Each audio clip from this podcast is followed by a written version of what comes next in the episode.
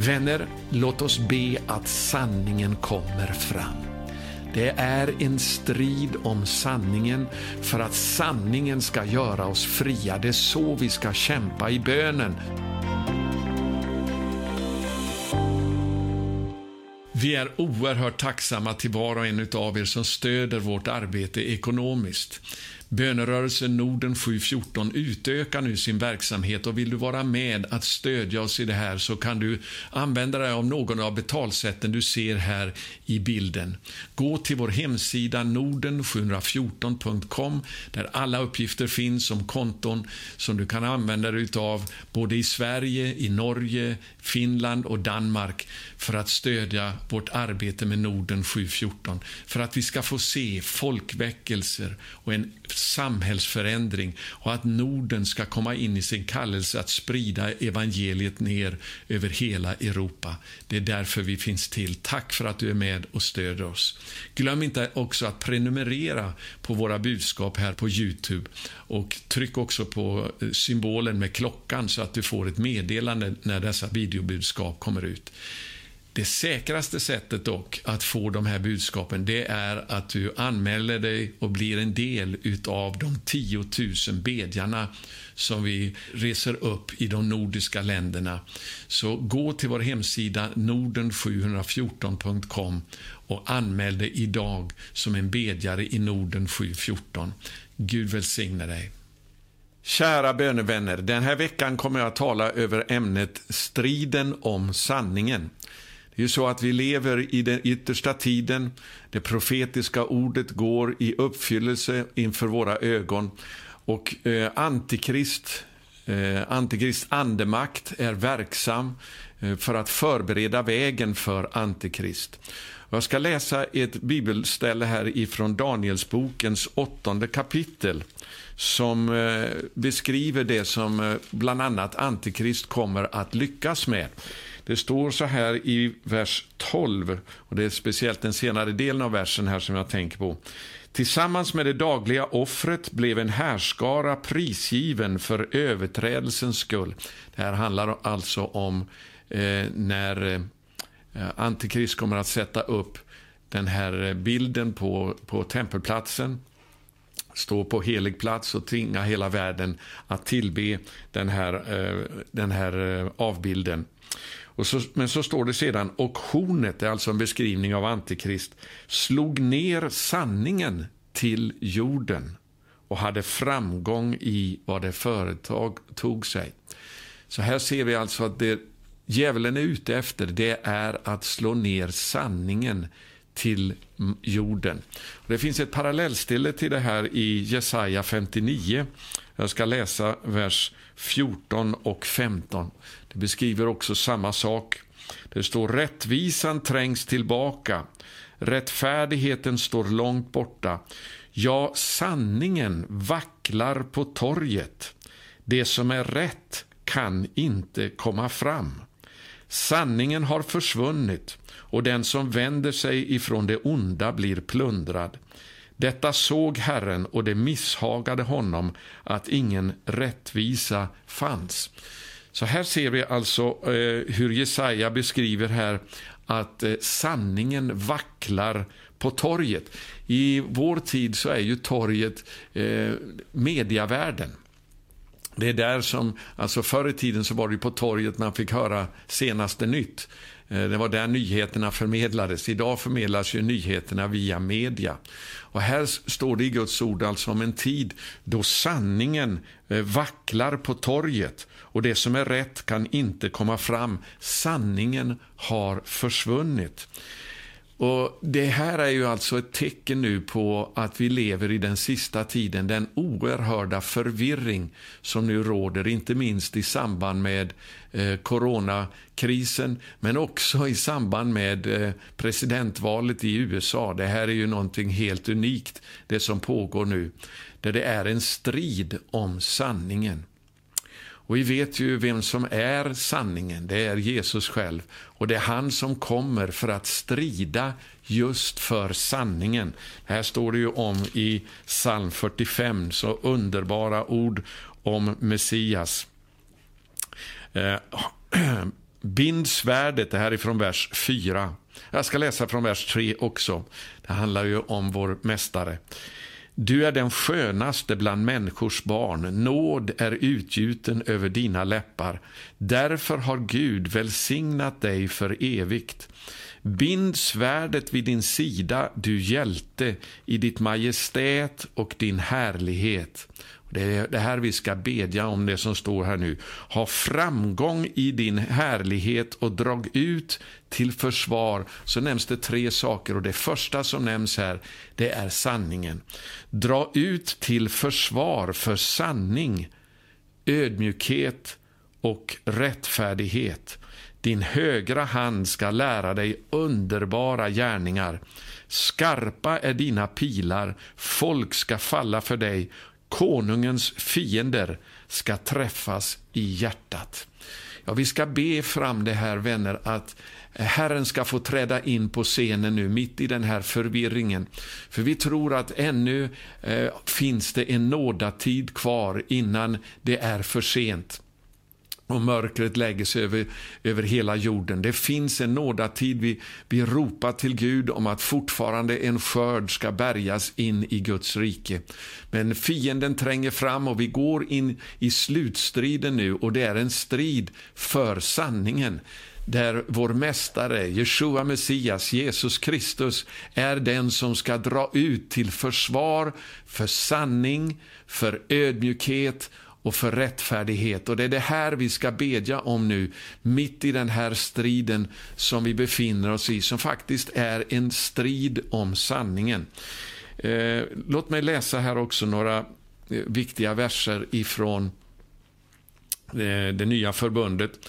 Eh, det står så här i första Johannes brev, det femte kapitlet eh, och ifrån vers 19. Det här är väldigt viktigt. Vi vet att vi tillhör Gud och att hela världen är i den ondes våld. Och den onde, han är lögnens fader. Därför är det inte konstigt att lögnen eh, sprider sig så ofantligt mycket som den gör i våra dagar. Sanningen kan inte komma fram på torget. Sanningen vacklar på torget. Den viker tillbaka eh, i media i våra dagar mer och mer. Och Det här är någonting som vi kommer att gå eh, in i nu, eh, i dagarna som ligger framför, det är en strid om sanningen. Och Det är så viktigt att vi är medvetna om det här. Men det är ju det underbara när det står här då, vi vet att vi tillhör Gud. Så när vi tillhör Gud, då är vi på sanningens sida.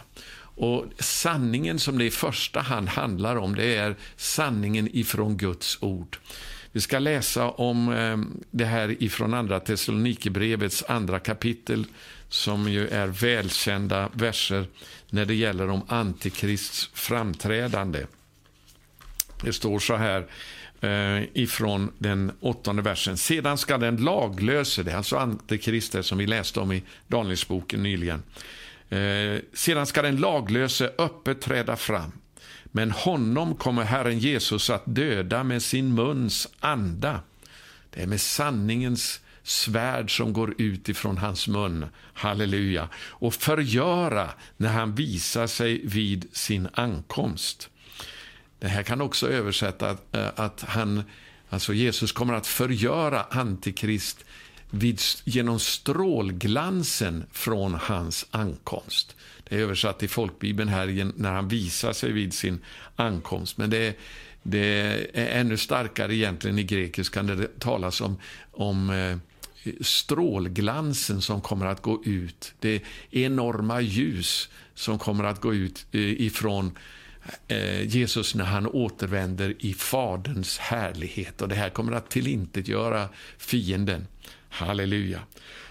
Sen står det då ifrån vers 9. Den laglöses ankomst, alltså Antikrist, är ett verk av Satan och sker med stor kraft och med lögnens alla tecken och under och med all slags orättfärdighet som bedrar dem som går förlorade eftersom de inte tog emot sanningen och älskade den så att de kunde bli frälsta.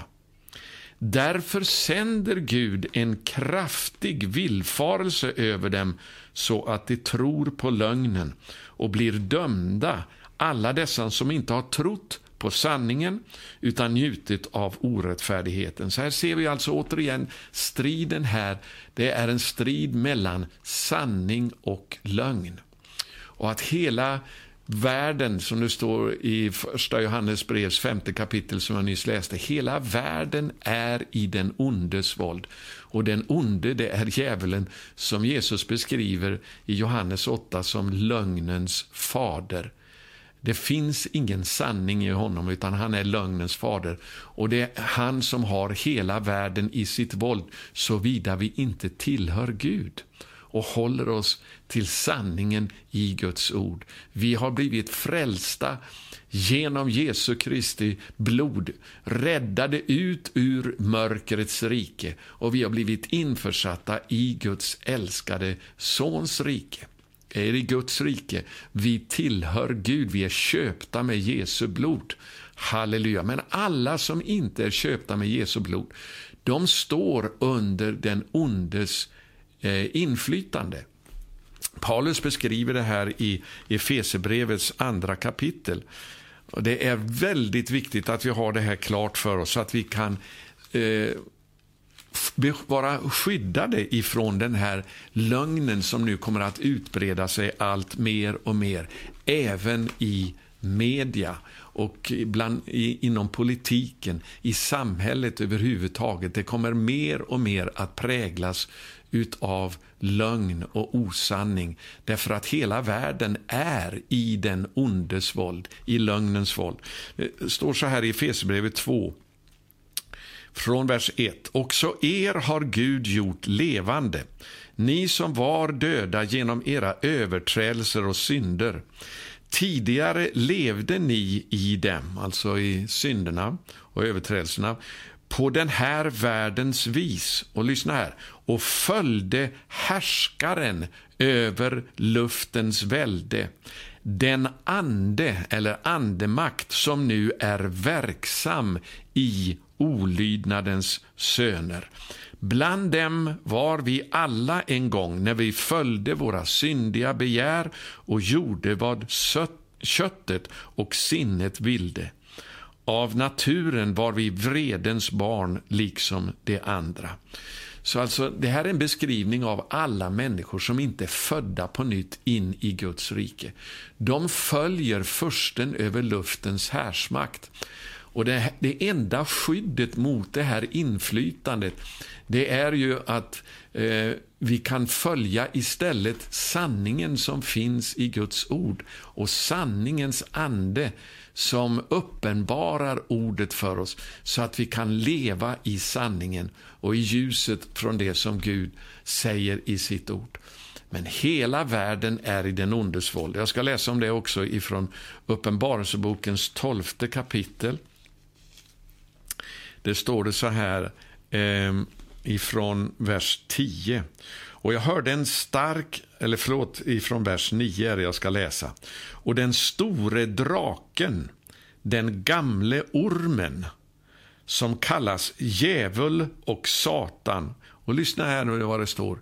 Han som bedrar hela världen.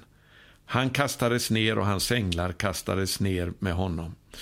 Så här ser vi alltså väldigt klart att eh, djävulen och Satan är den som bedrar hela världen. Det är bara ljuset ifrån Guds ord som kan skydda oss. Sanningen i Guds ord, det är när vi har kärleken till sanningen som vi kan bli frälsta ifrån denna, eh, detta bedrägeri, den villfarelse och den lögn som nu eh, utbreder sig allt mer och mer. Jag, det är så oerhört viktigt för mig att eh, betona det här väldigt starkt. Därför att bara för en generation sedan så var det liksom självklart att man kunde lita på media. I Sverige och Norge och i Nordens länder överhuvudtaget eh, så har vi ju varit vana vid att det har funnits en statlig television, statlig eh, eh, radiomonopol i stort sett. eh, helt och hållet, i alla fall från min uppväxt i barndomen. Och därigenom så, så litar man på att det var en neutral nyhetskälla, en neutral nyhetsförmedling som kunde eh, stå på sanningens sida och berätta om det som händer i världen så att man var informerad. Vänner, vi lever inte i de tiderna längre. Och jag önskar att eh, du som inte har förstått det här än, att du ska vakna upp. Du och jag kan inte lita på media. Vi kan inte lita på statlig television och statlig radio.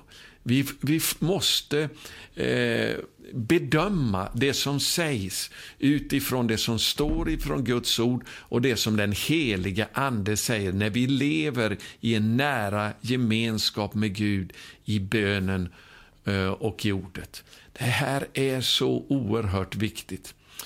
Eh, och eh, jag ska läsa också här nu ifrån psalm 46. En uppmuntran till oss alla här i den tid som vi, som vi lever i just nu. Det står det så här för sångmästaren från vers 1 här. En sång av Koras söner till alla mått.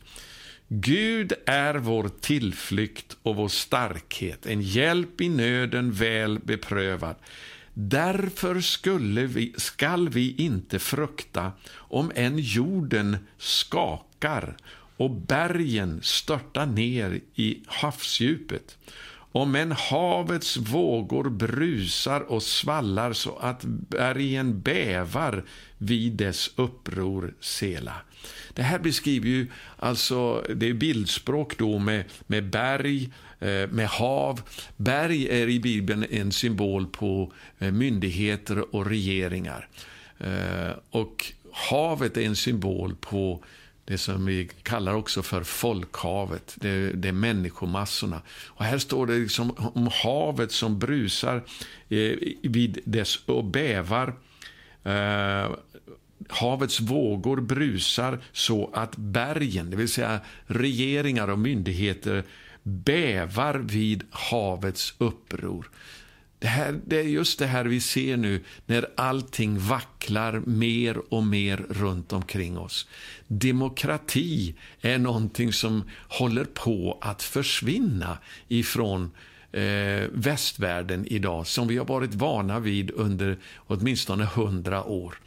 Men det ser vi nu i det amerikanska presidentvalet att eh, demokratin är nästan satt ur spel. Eh, tack och lov så finns det fortfarande eh, eh, viss rättvisa kvar ibland myndigheterna i Amerika med högsta domstolen och så vidare som är en neutral makt i amerikansk konstitution. Och Vi hoppas att det ska kunna gå att eh, få fram sanningen ifrån presidentvalet i Amerika, precis som vi har bett nu jag uppmanar er alla att be för. Därför att valet i USA det är ju ett val i världens stormakt som påverkar absolut hela världen, inklusive eh, Nordens länder oerhört. Hela världen kommer att präglas av utgången i valet i Amerika som nu håller på att avgöras. Eh, valet har ju redan ägt rum, men det är eh, en fråga om hur det egentligen har gått till och om det har varit ett demokratiskt och rättvist val. Det är det där vi ska fortsätta att bedja för. Jag vill uppmuntra er att göra det. Tillsammans vill jag säga med förebedjare över hela världen som står i gapen nu inför eh, valutgången i USA. Och vi tror att Gud vill eh, rädda eh, Eh, president Trump vid makten ytterligare i fyra år. Men vi vet ju inte det säkert ännu. Men vi ska bedja för det. Okej, nog om detta. Men vi ser alltså hur den här oron, den sprider sig så oerhört nu eh, på grund av bland annat då valet i USA. Även här i Israel så har det ju varit så väldigt eh, osäkert med valutgångarna som Eh, där, där, man inte har kunnat bilda regering förrän i år efter tre försök. Men den här nuvarande regeringen verkar inte heller som att den kommer att hålla mycket längre till. Det vacklar överallt och det bävar. Och så till råga på allt då, så är det den här så kallade pandemin som nu sveper över jorden, eh, coronan. och den håller på att skaka eh, eh, hela samhället i grundvalarna. Men mitt i det här så ska vi eh, vara väldigt noggranna med att vi lever i bönen och eh, vi läser Guds ord så att vi kan ha gemenskap med Gud på ett väldigt eh, konkret sätt. Så att vi kan leva i sanningen och, och, vara beskyddade ifrån de här upproren som nu sprider sig mer och mer och från lögnen som går fram allt mer. Halleluja. Så eh, jag ska nämna lite grann också om det här med eh, eh pandemin, den så kallade pandemin här nu då eh, coronan. Därför att eh, det är många som ropar till Herren om det här att den, den här plågan ska ta slut. Och Det första jag vill säga nu i samband med det här det är att vi ska ropa till Gud om en befrielse från all fruktan. Halleluja. Det är så viktigt att vi kan leva eh, utan fruktan i dessa tider. Och jag ska läsa några bibelord om det här som är så starkt. Det första är ifrån Andra Timotebrevet, eh, det första kapitlet, där det står så här eh, i vers 7. I folkbibeln så uttrycks det på det här viset. Ty den ande som Gud har gett oss gör oss inte modlösa. Det här översätts ju i alla engelska biblar med att Gud har inte gett oss en fruktans ande. Eller som det också stod i den äldre svenska bibeln, försagdhetens ande. Det handlar om att vara, eh, alltså att vi inte behöver ha fruktan. Vi har inte fått en ande som ger oss fruktan eller modlöshet i dessa dagar. Prisat vare Herrens namn. Utan det står istället vi har fått en ande som är kraftens och kärlekens och självbehärskningens ande. Jag gillar också de flesta engelska bibelöversättningar här som översätter det med att vi har fått en ande med ett sunt tänkande. Det är så viktigt att vi kan tänka sunt nu i de här dagarna. Därför att eh, sanningen vill göra oss fria ifrån fruktan. Och Det är väldigt viktigt att vi inte grips nu av fruktan. Den här eh, pandemin den har ju sitt eh, ursprung i det grekiska ordet pan och demos. Pan betyder alla, demos betyder folk. Det är någonting som drabbar alla folk. Men den har, eh, är också besläktad med ordet eh, för avguden Pan. Pan var naturens och herdarnas gud i den grekiska mytologin. Och han styrde genom panik. Ordet panik kommer ifrån avguden Pan. Och eh, rent eh, på ett visst sätt så kan man också härleda ordet pandemi, som nu eh, är ordet för coronan, eh, till den här avguden Pan som styrde genom panik eller fruktan. Dels så lockade han människor, det är därifrån vi har fått det här ordet med panflöjten. Därför det var naturens gud som lockade med skönhet, lockade med naturen, men samtidigt vållade skräck och panik. Och ett ord som också kommer ifrån avguden Pan, det är pandemonium som kan översättas med alla demoners tillhåll, men också oväsen och kalibalik. Det är det här vi ser nu kopplat till den här pandemin, eh, coronan, som har skapat fruktan hos så många människor, eller eh, panik, och också lett till eh, pandemonium på gatorna, speciellt i USA och i Israel. Jag bor ju här i centrala Jerusalem, alldeles i närheten av premiärminister Netanyahus bostad. Och varenda vecka så för man oväsen utanför och demonstrerar för att eh, kräva Netanyahus avgång. Och det är sannerligen ett pandemonium som pågår varenda helg utanför bostaden där de gör ett oväsen utan all like och sedan skriker eh, och demonstrerar. Det är, det är ett pandemonium, det, är en, det drar till sig onda andemakter för att skapa panik, oreda och eh, att man ska bryta ner alltså de, den, eh, myndigheternas grepp eh, och makt för att eh, hålla ordning i samhället. Allting håller på att vackla och bäva nu. Så eh, därför är det viktigt att vi inte låter oss gripas av sån här fruktan och panik. Inte ens i dessa tider med corona. Vi behöver inte eh, ha det därför att Gud har inte gett oss en fruktans ande utan en ande av kraft, utav kärlek och utav ett sunt tänkande. Eh, jag vill också läsa ifrån Romarbrevets åttonde kapitel här om just samma sak. Det står det så här ifrån, jag ska läsa från vers 14 och sedan också vers eh, 15 och 16. Ty alla som drivs av Guds ande, och det är det vi ska vara, vi ska drivas utav Guds ande, det är Guds söner eller Guds barn. Så vi vet att vi tillhör Gud, men att hela världen är i den ondes våld. Men vi har en annan ande i oss. Och vi läser vidare om den här i vers 15. Ni har inte fått slaveriets ande, så att ni på nytt skulle leva i fruktan. Nej, ni har fått barnaskapets ande, i vilken vi ropar Abba, Fader. Det kan ju också översättas med att vi ropar pappa, fader, pappa Gud. Gud är vår far. Och det är det som gör att vi kan vara trygga utan fruktan i dessa tider, därför vi vet att vår far i himmelen har hela världen i sin hand. Ja, djävulen, han har, eh, han har bara den makt som Gud ger till honom, därför att över djävulen och Antikrist så finns den yttersta makten hos Gud. Halleluja.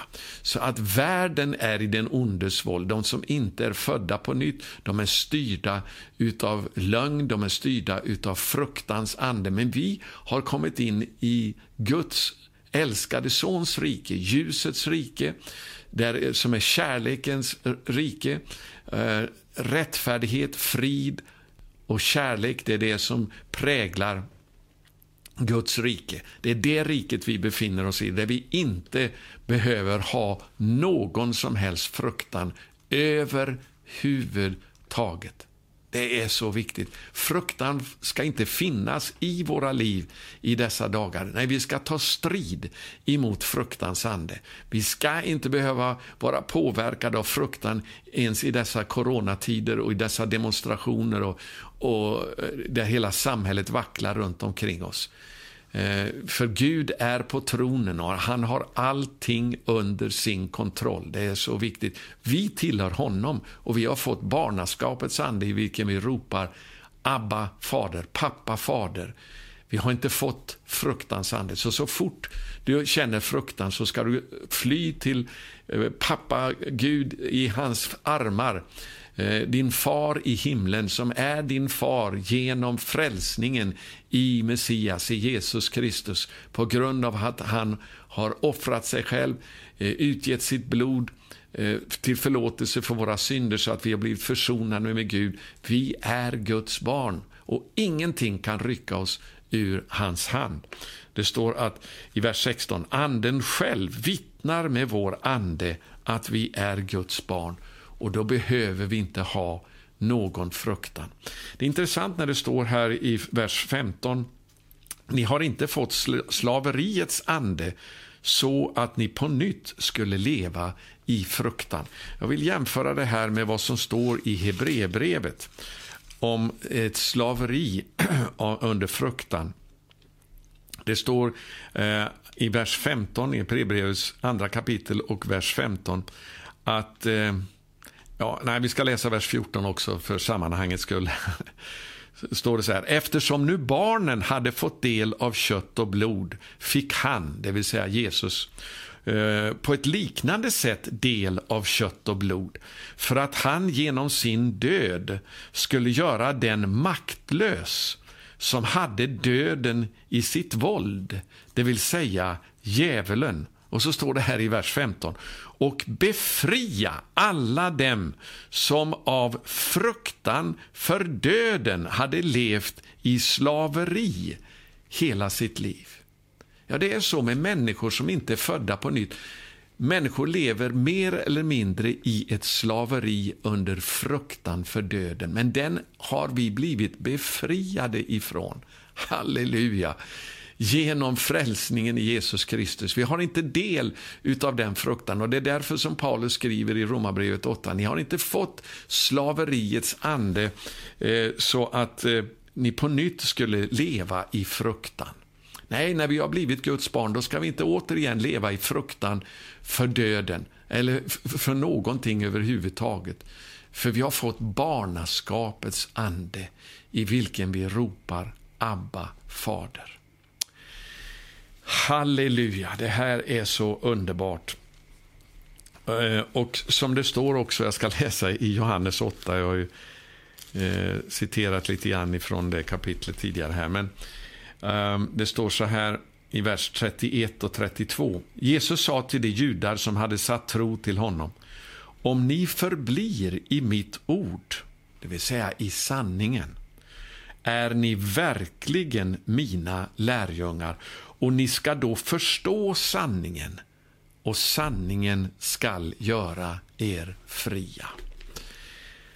Prisat vare Herrens underbara namn. Alltså, jag vill säga en del saker eh, också eh, om nu det här med coronan för att eh, eh, uppmuntra varenda en som lyssnar här att vi inte behöver ha någon fruktan för den här så kallade pandemin. Jag säger så kallade vet, därför att det är faktiskt på det här viset att just eh, för bara tio år sedan ungefär så omdefinierades det här ordet pandemi på ett sådant sätt att man, eh, det som tidigare pandemi betydde, det var en farsot som drabbade hela världen med dödlig utgång.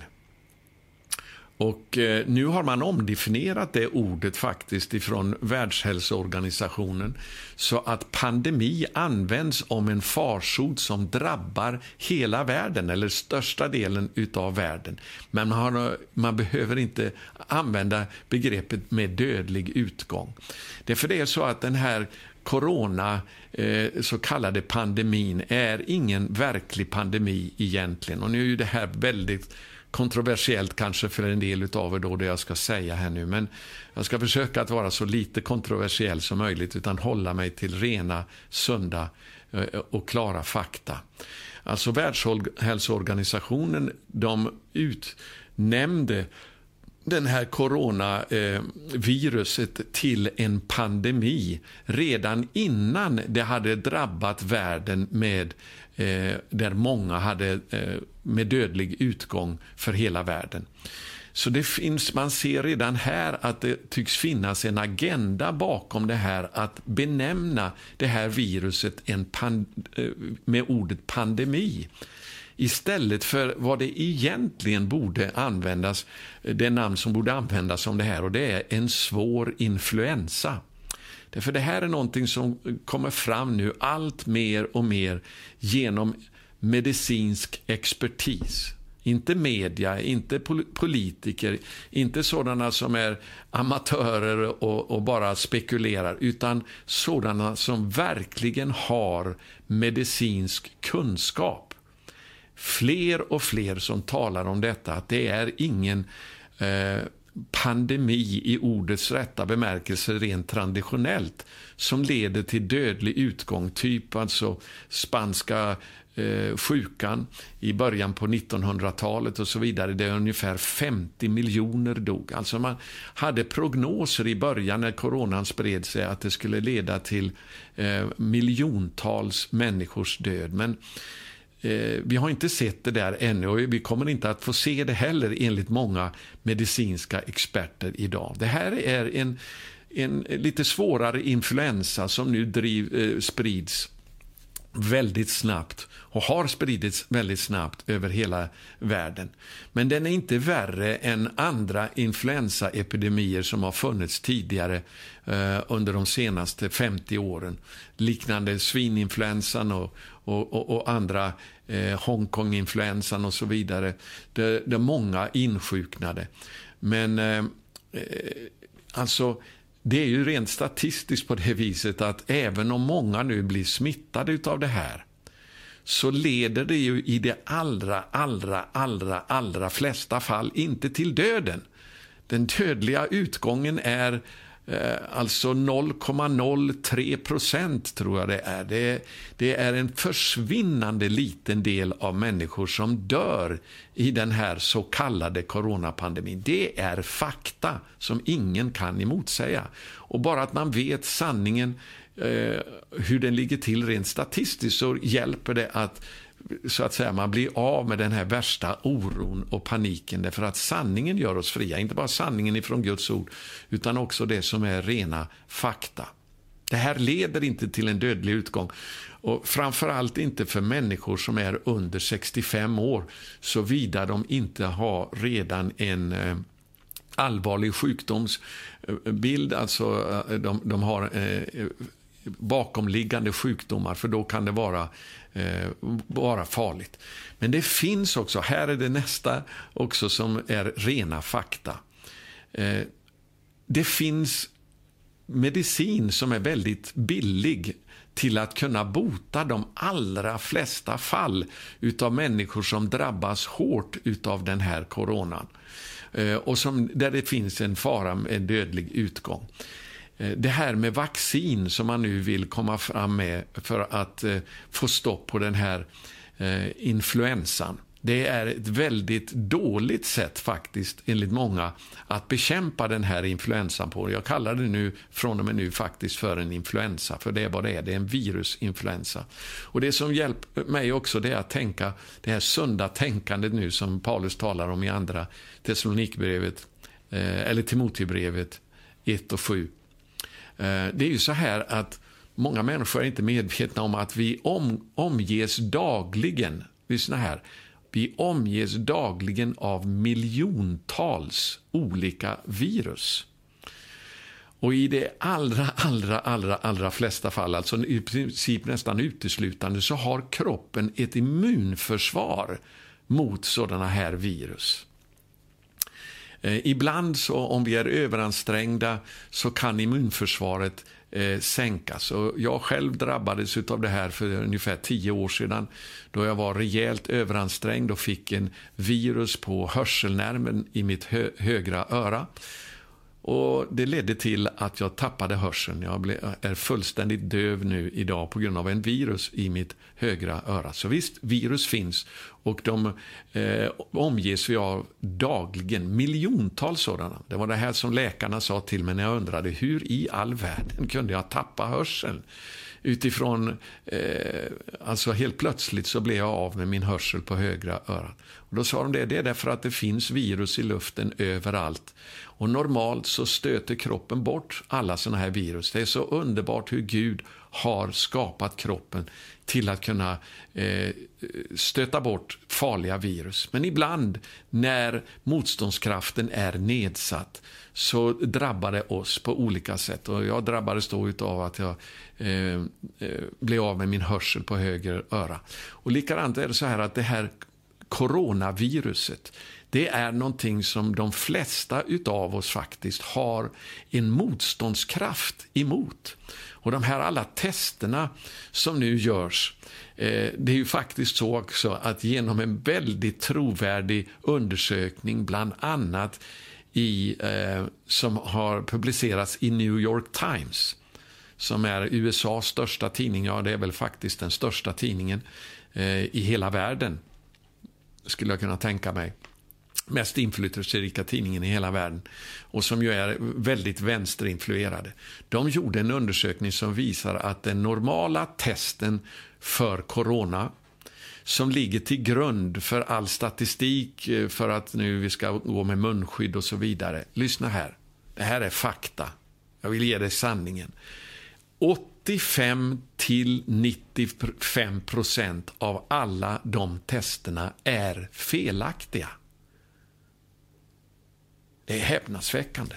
Mellan 85 och 95 procent av de här testerna är felaktiga.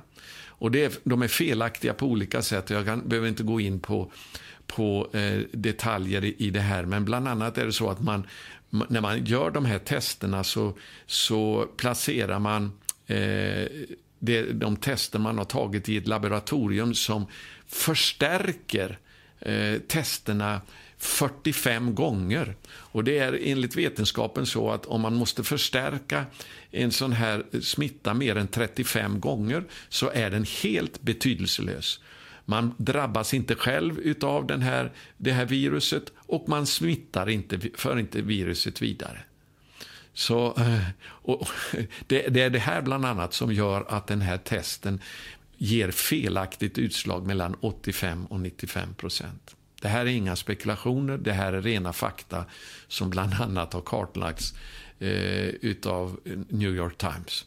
Så testerna kan man inte gå efter. Och Nyligen så var det en eh, sån här virusexpert som talade i parlamentet i Alberta, i provinsen Alberta i Kanada som eh, först redogjorde för alla sina eh, meriter och, och, som han har som medicinsk expert på världsnivå. Där han sa att nu måste jag säga ifrån, för det här med coronan, det är inte värre än en normal influensaepidemi. Och på grund av att man nu håller på och testar människor till höger och vänster så, så blir det ju att statistiken ökar hela tiden. Eh, och, och, eh, inte minst nu i Nordens länder. Och varför gör man detta? Jag ska komma in på det om en liten stund, men innan dess så vill jag säga det här att kroppen har alltså ett immunförsvar emot det här.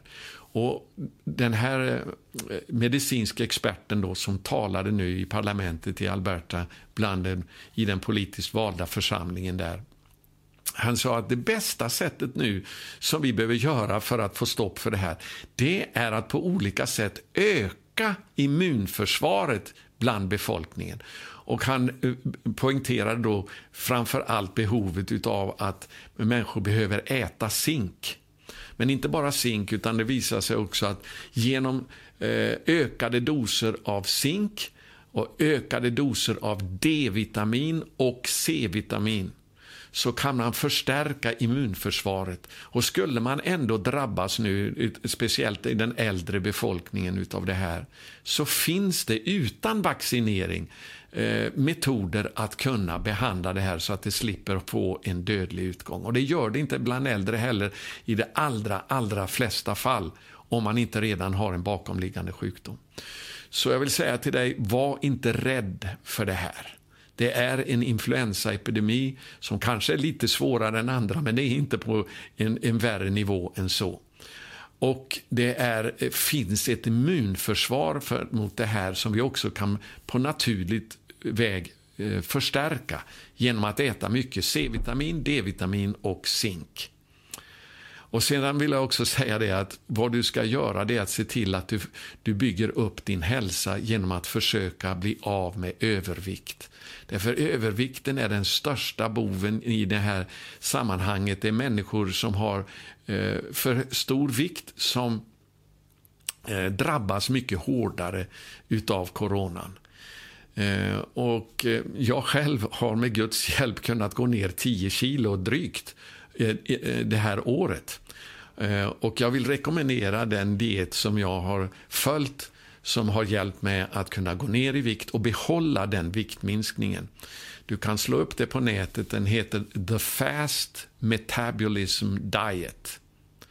The Fast Metabolism Diet. Gå på, eh, googla det och eh, jag rekommenderar den väldigt starkt. För det gjorde att jag eh, kunde gå ner eh, Eh, 10 kilo väldigt, eh, på bara några veckor. Och Det har hjälpt mig att kunna få en, en större eh, motståndskraft i den här, eh, under den här tiden av den här coronainfluensan.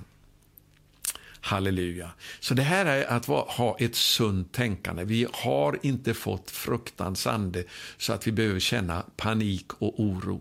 Vi har vår Gud, far i himlen, som tar hand om oss.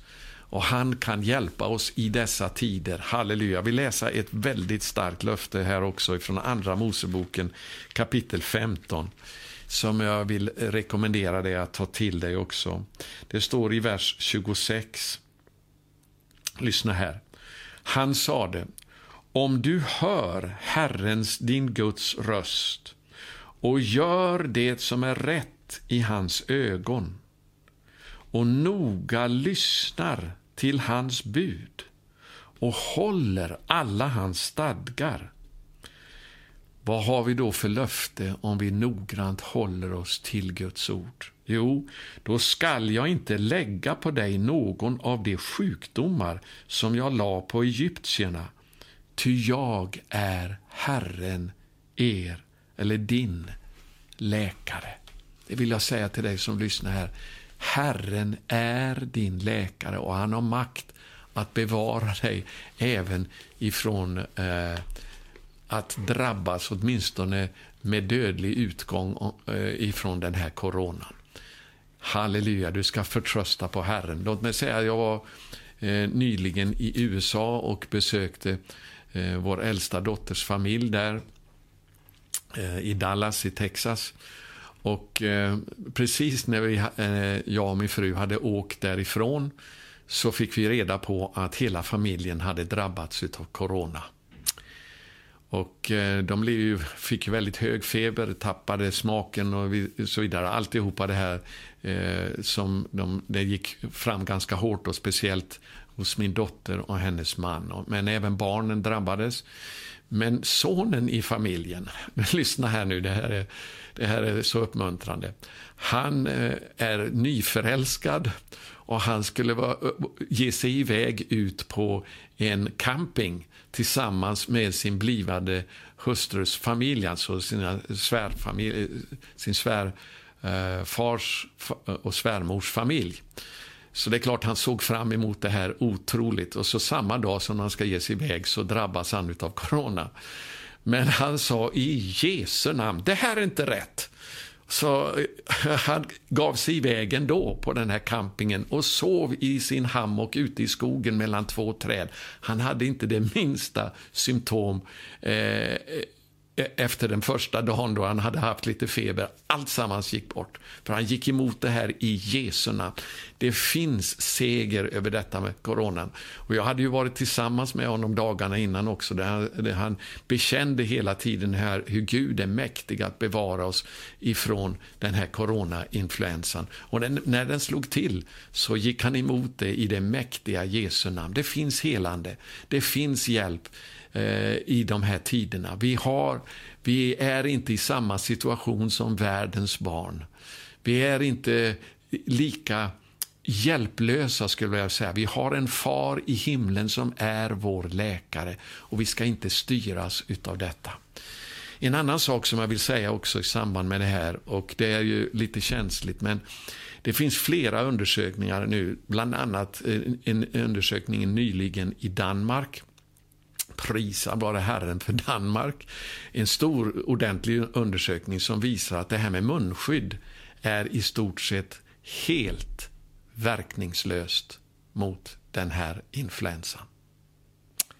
Och det, det, finns fler undersökningar om detta som jag har läst under, under flera månader nu det här året om att det här med munskydd det är inget eh, rejält skydd, det hjälper inte mot den här influensan.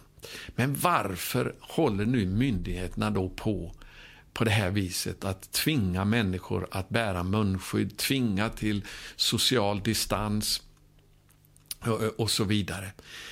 Ja, alltså hela världen är i den ondes våld och Antikrist håller nu på att öka sitt inflytande och ta makten mer och mer. Och det är på det viset att man vill försöka beröva vår frihet nu mer och mer. Eh, för att kunna ta kontrollen. Det var ju så hela den här bönerörelsen startade genom att Herren gav mig den här, det här tilltalet den 12 januari 2018. Det som sker nu i Sverige, och det är inte bara i Sverige utan över hela världen, ingår i en medveten strategi att bryta ner samhället för att kunna införa Antikrists diktatur. Och här vill jag säga nu i slutet, det här är så verkligt alltså. Vad som är på gång nu det är att bland annat World Economic Forum som ju sammanträder varje år i Davos i Schweiz. De har uppskjutit sitt normala möte nu som hålls varje år i januari till att hållas eh, i slutet av våren nästa år. Men de har lagt fram nu en strategi att utifrån den här corona-influensan eh, så vill man eh, beröva människors frihet helt enkelt. Man kallar det för den stora återställningen. Man vill förändra hela världsekonomin. Eh, och man gör reklam, hör och häpna nu, in, eh, utifrån World Economic Forum. Det är, men, det är unga, en ung man som jag har sett till exempel som ett exempel på den här reklamen. En ung man eh, typ i 30-årsåldern, som mest framgångsrik, hälsosam, lycklig, som står inför tv-kameran och säger följande. Jag äger ingenting, men jag är lycklig. Kan du tänka dig det? Man försöker nu att införa en marxistisk ideologi, en totalstyrning av hela världens befolkning genom att beröva friheten. Man vill framställa det som att det är världens lycka nu att inte äga någonting, utan allting som man behöver, det kan man hyra eller köpa. Så att ingen ska kunna vara oberoende utav myndigheterna. Och Det är därför också som man nu vill bekämpa då den här influensan genom vaccin.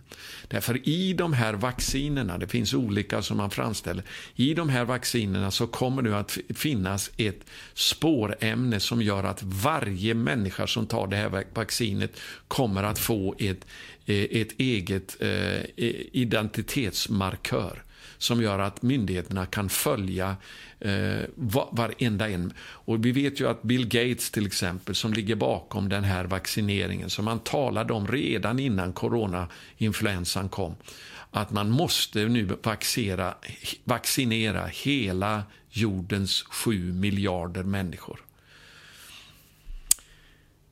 Och det är inte nödvändigt för att bekämpa den här tillfälliga influensan. Influensan kommer och går och vaccinering är inte ett väldigt effektivt sätt att bekämpa de här influensorna med. Vi vet till exempel när svininfluensan kom och man ville tvinga fram vaccinering. Det var eh, massor med ungdomar i Europa och speciellt i Sverige som fick men för hela livet utifrån den här vaccineringen. Men man driver nu fram den här statistiken med hjälp av felaktig eh, information från de här testerna, coronatesterna och, och tvingar till munskydd mer och mer, social distans, att inte samlas i grupper och så vidare för att eh, driva fram det här paniken hos människor så att man med större mottaglighet accepterar vaccineringen, den här sprutan, som utvägen ur problemet. Men det är ingen bra utväg. Vi ska, vi ska gå en annan väg istället, att lita på Gud och att öka vårt immunförsvar.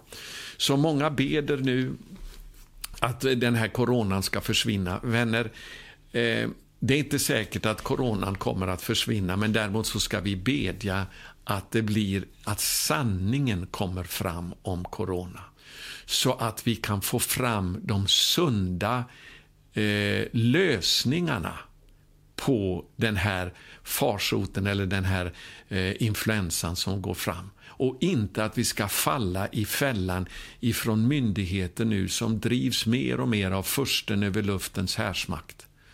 Eh, lögnaren som är en mandråpare från begynnelsen. Det finns en agenda bakom det här att införa en total kontroll eh, Eh, över världens befolkning. Och Det här utgår faktiskt ifrån den här avguden Pan som är alltså naturens och herdarnas gud. Genom panik och pandemi och pandemonium så vill man tvinga människor in i ett system under ett eh, antikristligt välde. Vänner, låt oss be att sanningen kommer fram. Det är en strid om sanningen för att sanningen ska göra oss fria. Det är så vi ska kämpa i bönen mot den här coronainfluensan. Vi ska be att, att vetenskapsmän, läkare, experter vågar stå fram och tala ut vad som är sanningen om det här. Det är fler och fler som gör det och förr eller senare så tror jag att också sanningen kommer att komma fram, precis som den kom fram om svininfluensan, som man också bedömde som en pandemi, helt felaktigt, för den drabbade inte många med dödlig utgång, som är egentligen definitionen på en pandemi liknande spanska sjukan. Och den, den vaccinering som man då tog fram, den skapade men för livet och speciellt ungdomar som tog den här vaccineringen. Det vill man förtiga nu.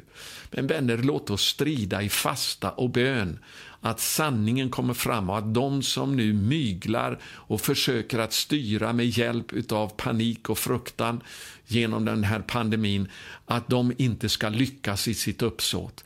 Vi behöver också bli uppfinningsrika hur vi kan bevara vår frihet. Man har ju strypt den nu i Sverige eh, för närvarande att man inte får samlas mer än åtta stycken. Man vill få bort gudstjänster där man samlas för att prisa och lova Gud. Vänner, låt oss be att sanningen kommer fram. Sanningen ska göra människor fria. Och vi ska be att Gud använder det här till en väckelse när folk vaknar upp och förstår att sanningen finns eh, i Guds ord och bland dem som, som eh, lever i gemenskap med Gud och som inte har någon fruktan under dessa tider. Ska vi komma överens om det i bön just nu innan vi eh, i avslutningen av den här budskapet den här veckan. Halleluja. Kära himmelske far, vi tackar dig för att du inte har gett oss fruktans ande. Vi behöver inte drabbas av fruktan, panik, oro, ångest som människor i världen nu drabbas av mer och mer. Nej, du har gett oss barnaskapets ande, en frihet ifrån slaveri av fruktan för döden. Halleluja, vi är dina barn för tid och evighet och vi ber att du ska använda också det här som händer nu över världen till att det ska bli en, eh, en, en, en framgång för de glada nyheterna, evangeliet om frälsningen som finns i Jesus Kristus, i Jeshua Messias. Och Herre, jag ber att du reser upp eh, bedjare, fria från fruktan i dessa dagar. Halleluja!